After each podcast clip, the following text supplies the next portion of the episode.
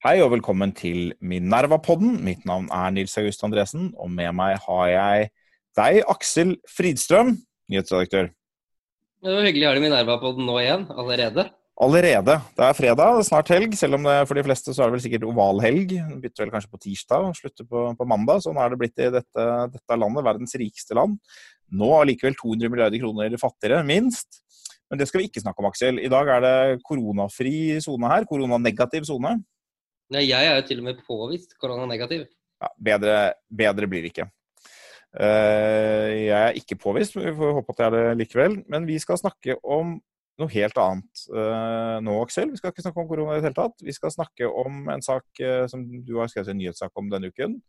Om en veldig kjent dansk forsker som heter Ole Wever. Det er sikkert noen av lytterne som likevel ikke har hørt om ham. Shame on you. så kanskje du vil introdusere ham litt for lytterne og si hva denne saken dreier seg om?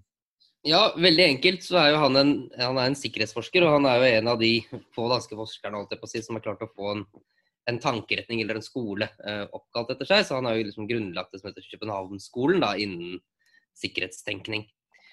Og eh, det Wever eh, har jo laget en, da, en deskriptiv teori som eh, jo omhandler hva som skjer da, i politikken når noe blir gjort til et sikkerhetsspørsmål og hvordan sikkerhet eh, ofte blir til et trumfkort da, når politiske avgjørelser skal tas.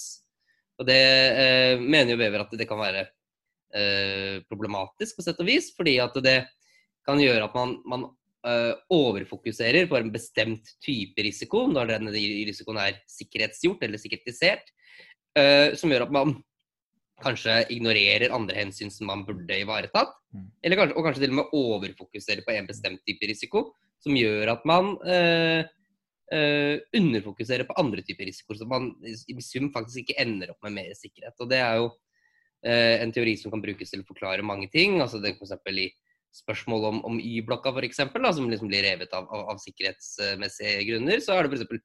mulig å argumentere for at altså, denne teorien kan benyttes til å forklare litt hvorfor det skjer, eller eh, hvordan f.eks. enkelte land velger å ha en streng innvandringspolitikk som følge av uh, de sikkerhetsulemper som mye migrasjon kan medføre, eller uh, nå mer aktuelt, altså hvorfor man liksom velger å ha så dramatiske tiltak i møte med koronaepidemien. ikke sant? Så det er det også blitt gjort et sikkerhetsspørsmål. Dette forklarer jo, Aksel, Vi snakket jo om Y-blokka forrige uke, hvor jeg brukte bl.a. sikkerhetsargumenter for hvorfor denne i og for seg verneverdige bygningen likevel burde rives. Men du foregrep her eh, Ole Wevers argumenter og argumenterte i stedet knallhardt med at bygningen eh, er veldig stygg. Ja. Så du, så, du rammes ikke av denne kritikken? Jeg ville jo revet ned uavhengig av de argumentene, kanskje. Eller i hvert fall jeg mener ikke at den er spesielt bevaringsverdig. Eller eh, altså, den er, den er i hvert fall ikke unikt bevaringsverdig. La oss være enige om at dette har du liten kompetanse på. Men la oss gå videre til, til Wever og de anklagene han har blitt møtt med, for det har du kompetanse på. Ja, altså det, det er i hvert fall det jeg har skrevet om. fordi det er jo da to uh, forskere, en britisk og en amerikansk forsker, som har publisert en artikkel i et tidsskrift som heter Security Dialogue, som altså er tilknyttet uh, det Oslo-baserte forskningsinstituttet PRIO. Uh, og Det de argumenterer for, er at denne hele skolen som Wever har grunnlagt, og denne teorien, er rasistisk. da, At den bygger på det som de kaller for metologisk hvithet, og det er antisvart tenkning da, som er rotfestet i, i, i denne skolen der har laget denne teorien. Eh, og eh, det kan, kan, kanskje virke litt rart for noen av oss, men det som da er, og kanskje er det det, eh, men det som da liksom er deres argumenter, er at det, denne måten å tenke på, da, hvor det liksom er at sikkerhet kommer først og den type ting, den, den ignorerer liksom mye sånn historisk urettferdighet da, som eh, land i tredje verden har, har, opplevd. og Derfor er det liksom helt, helt feil å fokusere på sikkerhet, f.eks. Eh, Eh, når man f.eks. diskuterer innvandring, da, f.eks. Eh, og dette har jo da eh, Wever han har jo reagert eh, veldig negativt på det. Nå er det jo lenge siden denne artikkelen, egentlig den første artikkelen ble publisert. Men han har jo nå da publisert et, et tilsvar til dette, den artikkelen, hvor han liksom peker på at det, disse forskerne gjør, er at de eh, tar et helt normativt utgangspunkt. da, altså Hvor de kritiserer Wevers teori for at den ikke gir normative svar. altså Hvorfor kan man liksom ikke ha mer åpne samfunn? Hvorfor må man liksom ha sikkerhet fremfor åpenhet? Mens Wever på sin side mener at han aldri argumenterer for et bestemt utfall. Han bare forsøker å deskriptivt eh, forklare hvor, hvordan liksom noen politiske beslutninger blir blir sikkerhetsgjort. Mm. Så er det vel, Jeg har jo skummet disse artiklene frem og tilbake. Det er vel litt, litt som i mye annen kritikk av denne typen, så kritiserer de da også Vever for hvilke referanser som brukes. Her er det her er Hanna Arendt er med, og hun hadde jo et problematisk syn på, på svarthet. og Eh, hvilke ord som brukes. Noen av ordene er Dette er jo en teori som er formulert på 90-tallet, og noen av ordene er eh, kanskje litt utdatert og kanskje, kanskje også tatt litt ut av, av kontekst. Eh, men det interessante sånn, sett fra mitt perspektiv er hvordan man liksom går fra eh, både grove feillesninger, altså at man, man, tror at teorien er noe annet enn det den er, eh, og da dette normative synet som du trekker frem om at teorien ikke er riktig svar, og da, da må det være noe feil. Eh, men man går også fra liksom, enkelte eventuelle små si, skjønnhetspletter på det som har vært skrevet, til å dømme eh, ikke, ikke, bare, he, ikke bare Vever og hans medforfatter, men liksom et helt forskningsfelt eh, som uløselig eh, liksom knyttet til rasisme. Eh, og det er jo en ekstremt problematisk måte å, å tenke på, sånn som jeg ser det. Det, det betyr at det, da kan man jo ikke dra på noe av den kunnskapen Eh, som vi har med oss, fordi fortidens mennesker har hatt de andre moralske vurderinger enn, enn de vi har i dag. Uh, men de har jo likevel frembrakt selvfølgelig masse ekstremt verdifull kunnskap. Uh, og så er det selvfølgelig alltid noen Jeg tror vi, alle, vi har alle noen assosiasjoner og noen type tankerekker som vi vet at har hatt et problematisk bruksområde i fortiden. Er, hvis du tenker eugenikk eller et eller annet sånt, så er det liksom ikke det er ikke helt nøytralt å referere til en forsker som er først og fremst kjent for det, liksom, eller, eh, eller å bruke den kunnskapen til noe helt annet uten å behandle det litt kritisk. Eh, men det har blitt en sånn veldig populær greie. Disse, liksom, man kjenner igjen på sånne ord, sånne buzzwords. Eh, anti-sort, anti-black eh, thought og metodologisk hvithet. Sånne buzzwords som du finner igjen i amerikansk og britisk akademia. Eh, som Eh, på mange måter er ekstremt problematiske, for de er ofte dårlig definert og ofte dårlig for, vagt forhold til empiri. og Det er også noe av kritikken fra, fra Wever, at det er, det er, vanskelig å forsvare seg mot en anklage som ikke er godt definert og ikke er eh, liksom, godt eh, metodologisk forankret og ikke har klare kriterier for empiri. Men den gjør da nå på mange måter sitt første inntog i Norge i en viss forstand fordi ikke sitt første, kanskje, men et, viktig inntog i Norge fordi dette tidsskriftet er knyttet til, eh, til Prio. Hva, du snakket jo da med Henrik Tune. Eh, det gjorde jeg. Norsk utenrikspolitisk forsker. Hvordan eh, kommenterte han denne saken? Nei, han var ikke spesielt imponert. Uh, nå skal jeg være litt forsiktig med å sitere ham, for jeg husker jo ikke alt han har sagt helt, helt ordrett. Men, uh, så jeg tenker at han vil jo gjerne bli sitert akkurat sånn som det var. Men uh, jeg tror jo at hans liksom, kjernen i hans poeng er at hvis man aksepterer den måten å argumentere på, sånn som de to eh, forskerne gjør i sin kritikk av Wever, så eh, blir du nesten nødt til å forkaste nesten all moderne vitenskap liksom tilbake til eh, opplysningstiden, fordi at den liksom ikke kan innfri da de nye moralske standardene for hva som er akseptabel tenkning, som de mm. da forsøker å, å, å sette opp. da, og det er eh, av, av, av, veldig mange grunner ganske, ganske, ganske problematisk. Mm. Fordi at man si at Formålet med akademia må jo være å forsøke å finne eh, forklaringer på eh, ting som man eh, jo kan observere i, i virkeligheten. Eh, og hvis man liksom ikke liker virkeligheten, så kan ikke det nødvendigvis bety at akademiet skal si at uh, verden burde vært annerledes. Liksom. Altså, det er jo et, mer et politisk spørsmål. Da. Så her går man liksom inn i en sånn totalpolitikk hvor alt skal være politikk, og hvor det ikke er mulig å, uh, å undersøke en problemstilling fordomsfritt. da. Det husker jeg også fra, fra doktorgradskurs på, på Blindern eh, i samfunnsvitenskapelig metode, hvor eh, man ble da man har metodekurs hvor man snakker om mange ulike metodespørsmål. Og så kommer man også innom det som da kalles kritisk teori. Som jo er, mener jeg, altså ekstremt problematisk eh, konseptualisert allerede i utgangspunktet. Hvor man nettopp opphever litt av skillet mellom, eh, mellom, vitenskap og politikk. Eh, og det er jo selvfølgelig alltid diskutere liksom, hvor absolutt det skillet er. men Eh, men hvor vitenskapen hele tiden har et normativt mål. Uh, som selvfølgelig er nødt til å, å, komme i konflikt med det vi ellers tenker på som vitenskapelige idealer. Og det, det, jo, det, går jo på mange måter mye videre enn bare denne nye identitetspolitikken uh, metodologisk hvithet osv. Det er jo et eldre og, og bredere fenomen. Eh, der all vitenskapen skal både ha som mål å avdekke og, og bekjempe urett. Og mm. det Man trenger ikke å, å ha en, liksom, en, illusjon om helt verdifrie forskere eh, for å skjønne at en sånn eksplisitt ambisjon vil lede til mange typer konflikter. Mm. Men du Aksel, du har da vært opptatt av å, å, å dekke denne saken om uh, urimelig bruk av metodologisk hvithet. Men jeg har jo faktisk jobbet litt ja, med å se på vår egen metodologiske hvithet uh, denne uken. Ja, hva er det du har skrevet om det?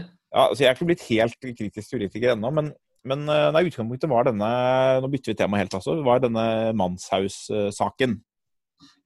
Han var jo ja. ganske for metodologisk hvithet, det må man kunne kunne si. Jeg, ja. Ja. Eh, nei, altså det, den, Under den rettssaken så, så, uttrykte jo den tidligere forstanderen i Al-Noor-moskeen i Bærum, som da ble angrepet av, av Manshaus, eh, skuffelse over manglende støtte fra, fra regjeringen og storsamfunnet eh, etter terrorangrepet. Og påpekte bl.a. at eh, teppen, bønneteppene som var tilskitnet av blod, eh, ble ikke dekket av forsikringen. De fikk ikke noe støtte fra, fra, myndighetene, og til slutt var det tyrkiske myndigheter som da støttet nye bønnetepper i denne moskeen. Og det er jo sånn klart symbolsk tungt sett fra, fra, deres perspektiv. Og Da jeg leste denne saken første gang, så var noe av det første jeg tenkte, var at det er Jeg vil være litt varsom med å formulere meg sånn som han gjorde. For, fordi ikke fordi det ikke nødvendigvis har vært dårlig fulgt opp, men, men dette glor veldig fort inn sant, i et narrativ om at her, her, får de lite støtte fra myndighetene fordi, eh, fordi det er antimuslimske holdninger og, og metodologisk hvithet. Eller enten at man ignorerer dem, eller at man er kritisk til dem. Eh, han pekte på støtten til HRS og, og, en del sånne ting. Og I utgangspunktet tenker jeg at det er ikke noe spesielt grunnlag for det. Og Det, er igjen, liksom, det mangler egentlig en metodologi for å si at her er det noe Eh, spesifikt problematisk. Fordi i Norge er det jo helt vanlig at uh, ofre for, for, for, kriminalitet og terror uttrykker skuffelse over manglende oppfølging fra myndighetene. Da kan man selvfølgelig spørre seg om kanskje vi burde fulgt opp noen av disse ofrene litt bedre. Det, det, er et legitimt spørsmål, men, men det, var, det, det, har vært, og det er mange sånne saker knyttet til f.eks. ofre fra, fra, Utøya. Og når det gjelder oppfølging av voldsofre generelt, så er det en sånn tilbakevendende tematikk som stadig utredes. At det er Eh, det er liten oppfølging. Det er ikke noe koordinert oppfølging ofte, med, og spesielt hvis det da ikke er, eh, liksom er dødsfall eller uh, andre ting som havner i helsevesenet og, og i Nav-systemet, så, så, har liksom ikke staten noe egentlig apparat for, for dette. Det finnes ikke noe egentlig erstatningsapparat. Det er ikke klart hva det skulle bygge på osv. Og, så er det mange som føler at det er dårlig ivaretatt. Uten at det trenger å ha noen ting å gjøre med antimuslimske holdninger. Men tror du ikke det at hvis liksom, la oss si at disse blodige teppene hadde ligget et annet sted, da. Mm. Altså si at de hadde ligget på Dette hadde vært liksom inne på Palais kjøpesenter, liksom, hvor uh, kultureliten vanker, liksom, og her var det liksom uh, masse blod. Uh, tror du ikke det liksom hadde vært i hvert fall litt lettere da, å få myndighetenes liksom, støtte til å ta at noen kom, kommer og betaler for at det blir ryddet opp? Jeg er klar over at Palais har penger til det selv, liksom, men, men like, altså, bare for å illustrere. Ja, altså, det, det, så, så jeg sa det, det, jeg sa i sted, det var på en måte min første reaksjon da jeg, da jeg leste dette. Eller i hvert fall én av mine reaksjoner.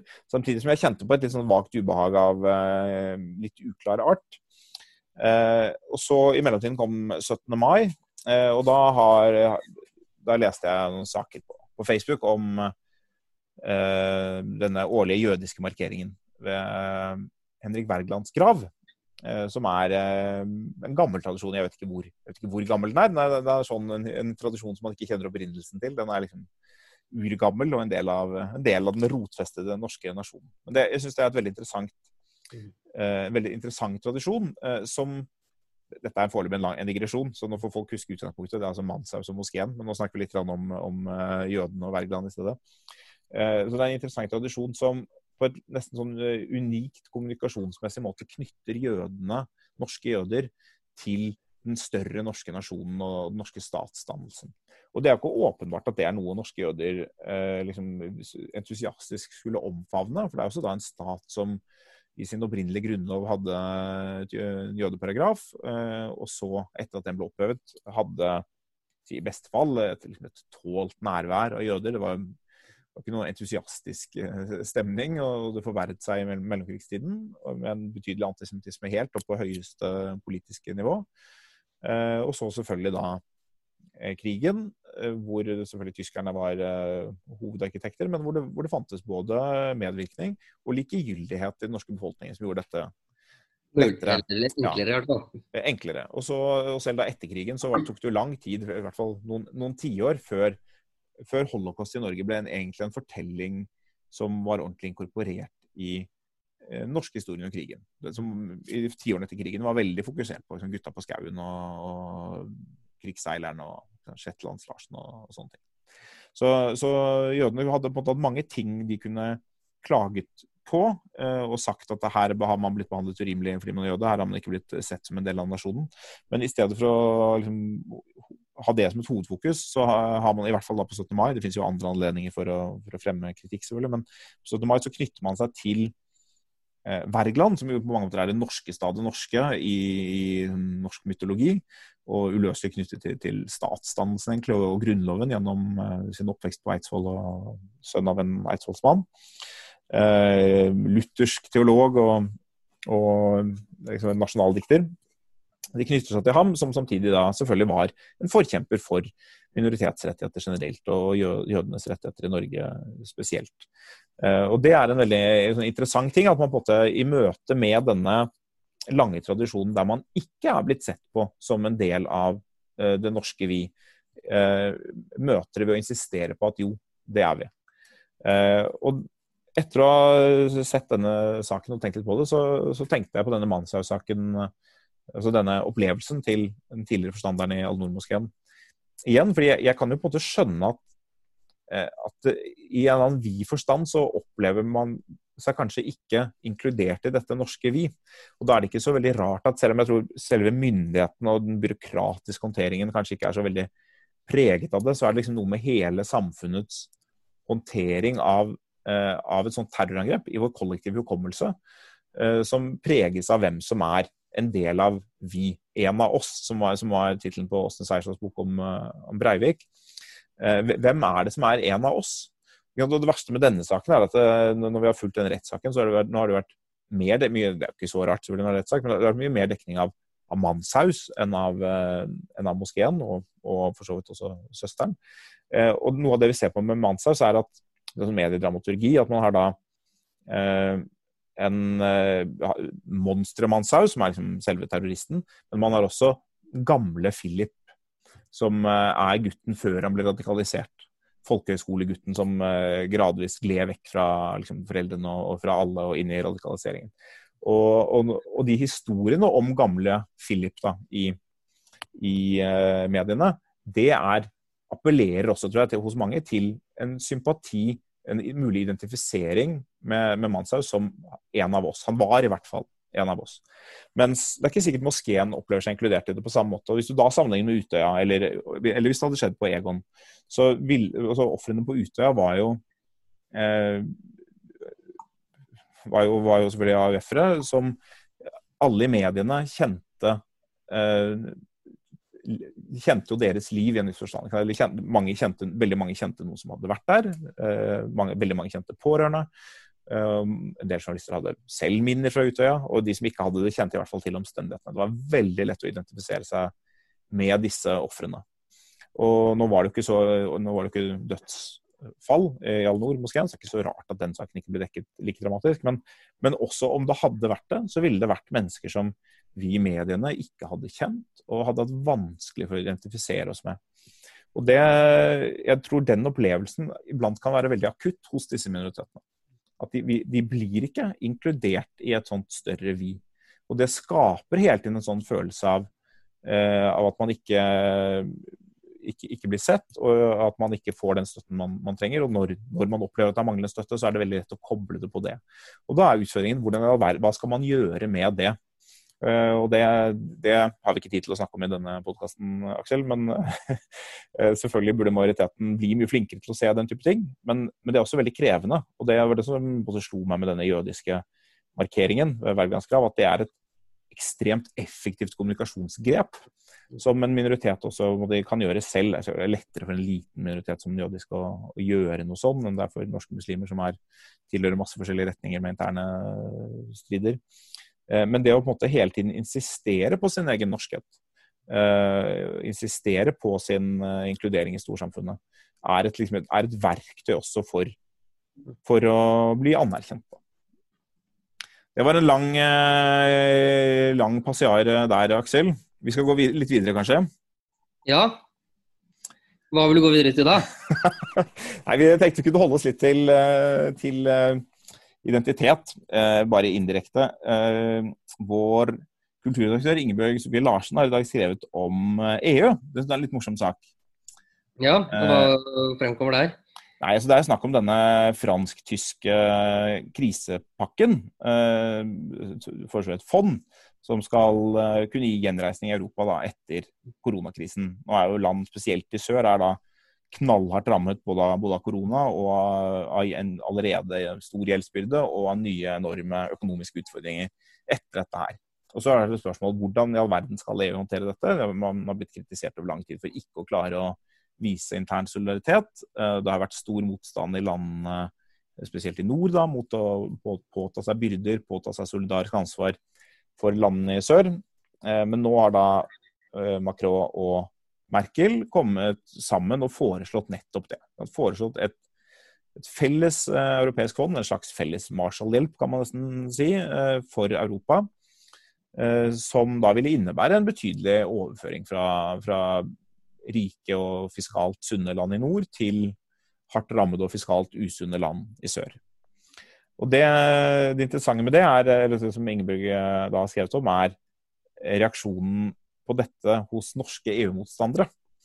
For det, jo, det har vært en av kritikken eh, mot, eh, en av kritikken mot EU i dette miljøet har jo vært at man ikke har hatt noe sånn intern solidaritet. Det var veldig tydelig bl.a. under eh, Hellas-krisen, eh, gjeldskrisen i Hellas, hvor EU e ikke ville gå inn og hjelpe til med å betjene den, den gjelden, og ikke ville gi lettelser eh, uten å stille veldig strenge krav osv.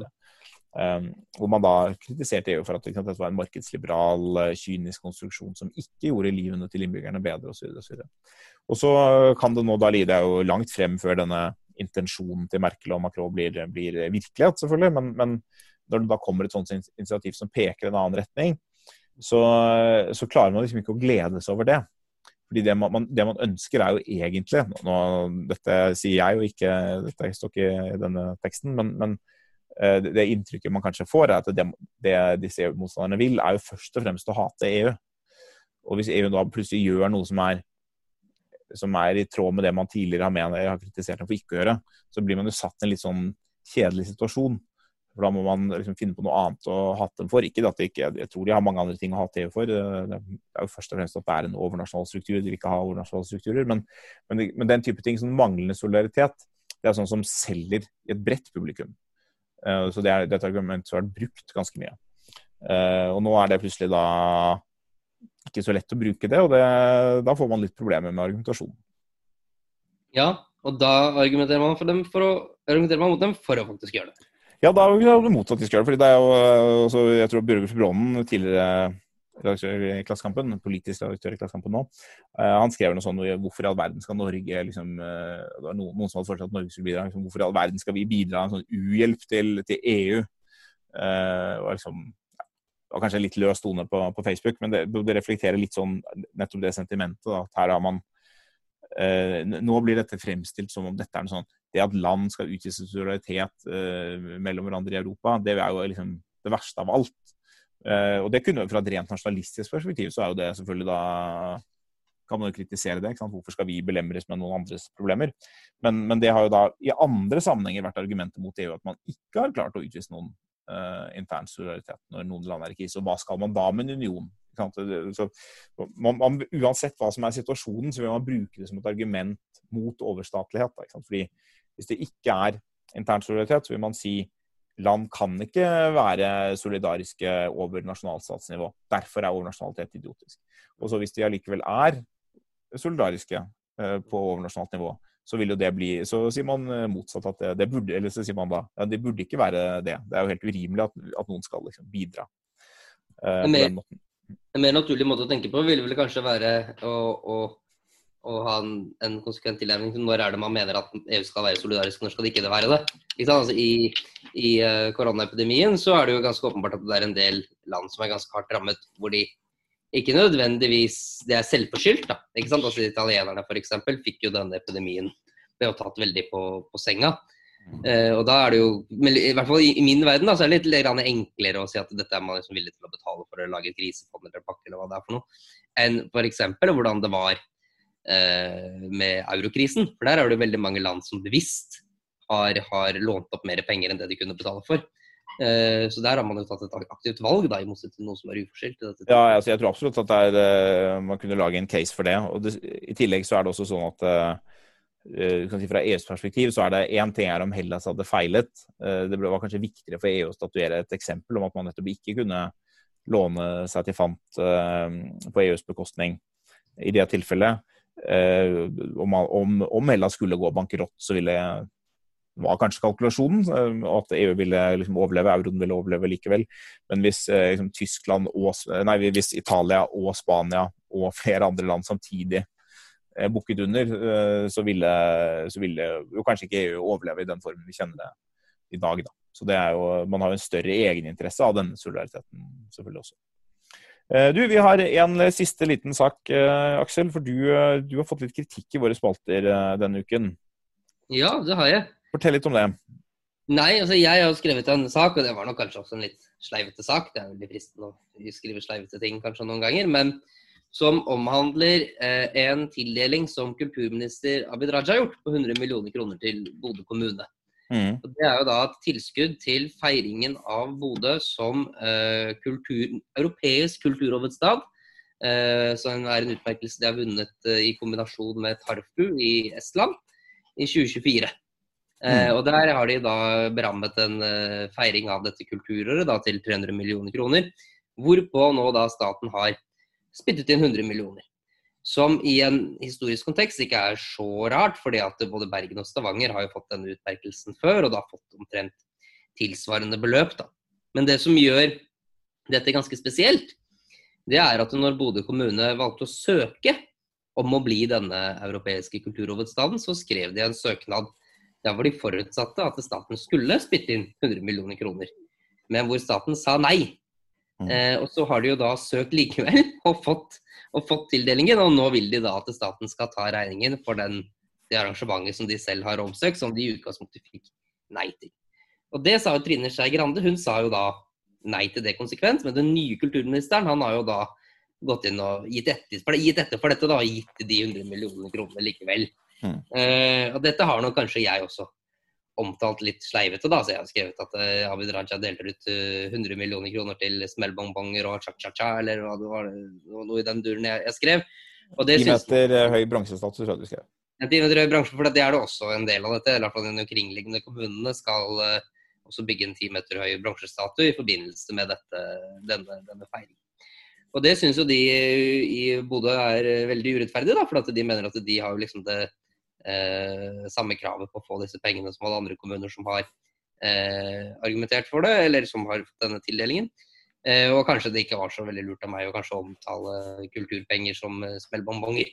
Så det kan man jo kanskje ta litt selvkritikk på, men eh, jeg tror at det bærende argumentet her, og det, dette er jo ikke nødvendigvis, den artikkelen er jo ikke nødvendigvis trenger ikke å bli lest som en kritikk av Bodø kommune, men heller den prosessen som Kulturdepartementet har lagt opp til.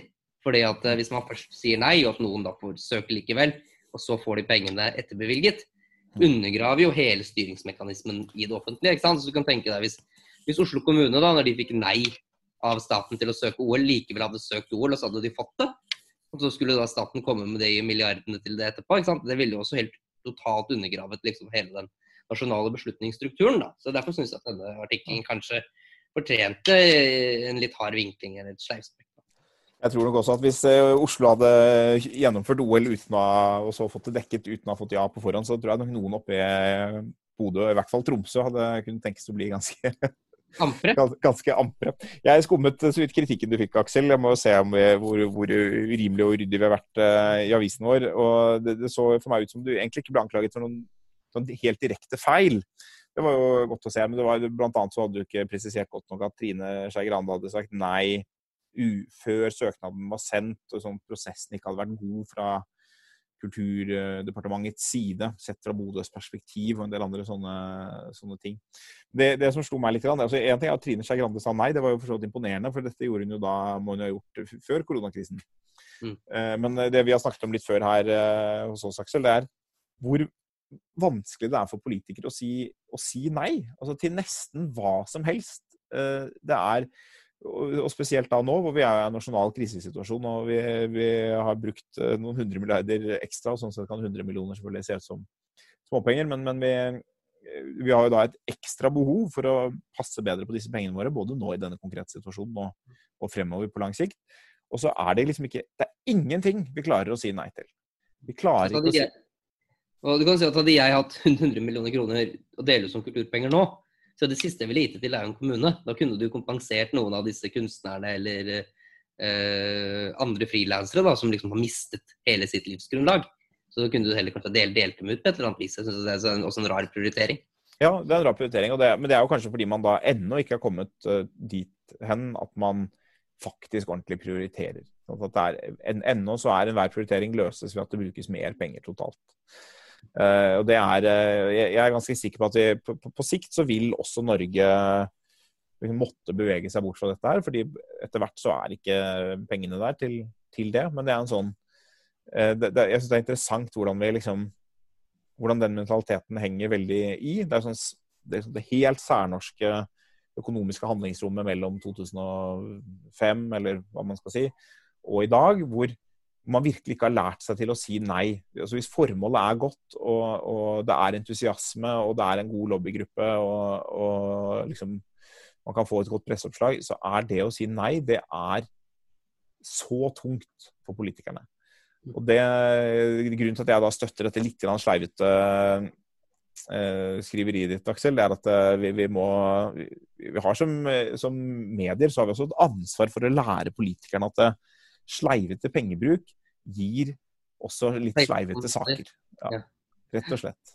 Så nå, Det er en hilsen til deg, Abid Raja, hvis du lytter på Minerva-podden. Det håper jeg du gjør. Ikke så mye sleivete pengebruk eh, fremover. Det er budskapet. Det er budskapet. Skal vi avslutte for i dag? Da kan vi avslutte for i dag. God helg til alle sammen. Husk å gå inn og tegne abonnement på, på Minerva. Det er det siste vi skal si. Det kan masse sleivete artikler. Masse sleivete artikler. Du, kan lese for bare én krone første måned. Takk for oss.